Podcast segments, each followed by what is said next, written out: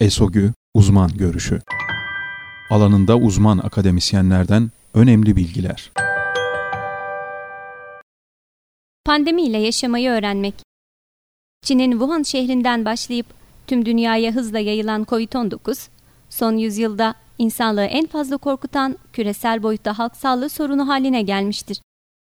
Bu nedenle henüz aşısı ve özgün tedavi yöntemi olmayan hastalıkla mücadelede korunma önlemlerinin etkili şekilde uygulanması hayati önem taşımaktadır. Çokça tekrar edildiği üzere hastalık esas olarak insandan insana damlacık yoluyla ve infeksiyon ajanı ile kirlenmiş objelerden eller aracılığıyla alınarak ağza, buruna, göze temasla bulaşır. Bu nedenle tedavi yöntemi olmayan hastalıktan korunmada mesafe, maske ve temizlik yaşantımızın yeni normalleri olmalıdır. Ev dışında 1,5 metrelik sosyal mesafenin oluşturulması, maskenin çene ve burnu kapatacak şekilde kullanılmasıyla el hijyeninin takibi en önemli koruma yöntemleridir.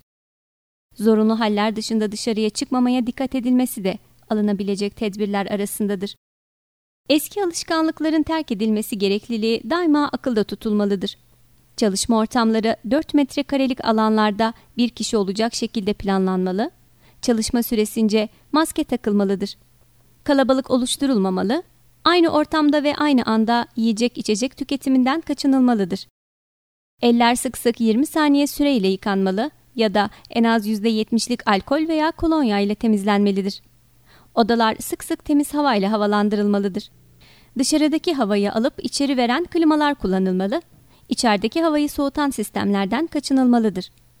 Zemin günde en az bir kez su ve deterjanla temizlenmeli, sık dokunulan alanlarda 1 bölü yüzlük çamaşır suyu, çamaşır suyunun korozyon etkisinin olacağı malzemelerde ise en az %70'lik alkolle temizlenmelidir. Sağlık Bakanlığı'nın web sitesinde sektörlere göre alınması gereken önlemlerin neler olduğu belirtilmektedir.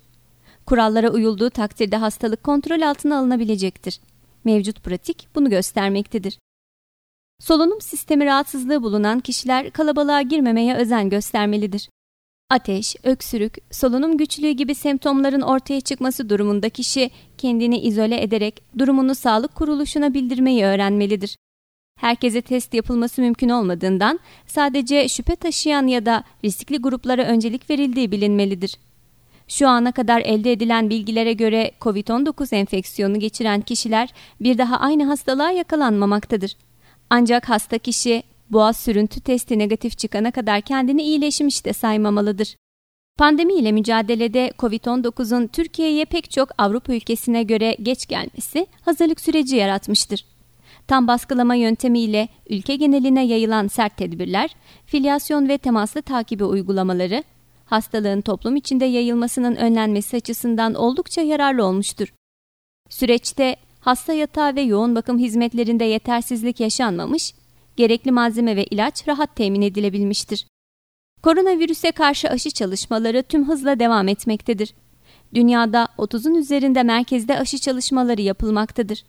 Aşının ilk aşaması olan virüs izolasyonu gerçekleştirilmiştir. Ancak aşının hazır olması için zamana ihtiyaç duyulmaktadır. Türkiye'de de ciddi aşı çalışmaları en az 3-4 merkezde yürütülmektedir. Kurallara ne kadar iyi uyarsak en kısa zamanda en az hasarla COVID-19'un zararlarından kurtulacağımızı unutmayalım. Aşı bulununcaya kadar tek çare koruma yöntemlerini etkin uygulamadır. Profesör Doktor Selma Metintaş, Eskişehir Osman Gazi Üniversitesi Tıp Fakültesi Halk Sağlığı Anabilim Dalı öğretim üyesi, Sağlık Bakanlığı COVID-19 Bilim Kurulu üyesi.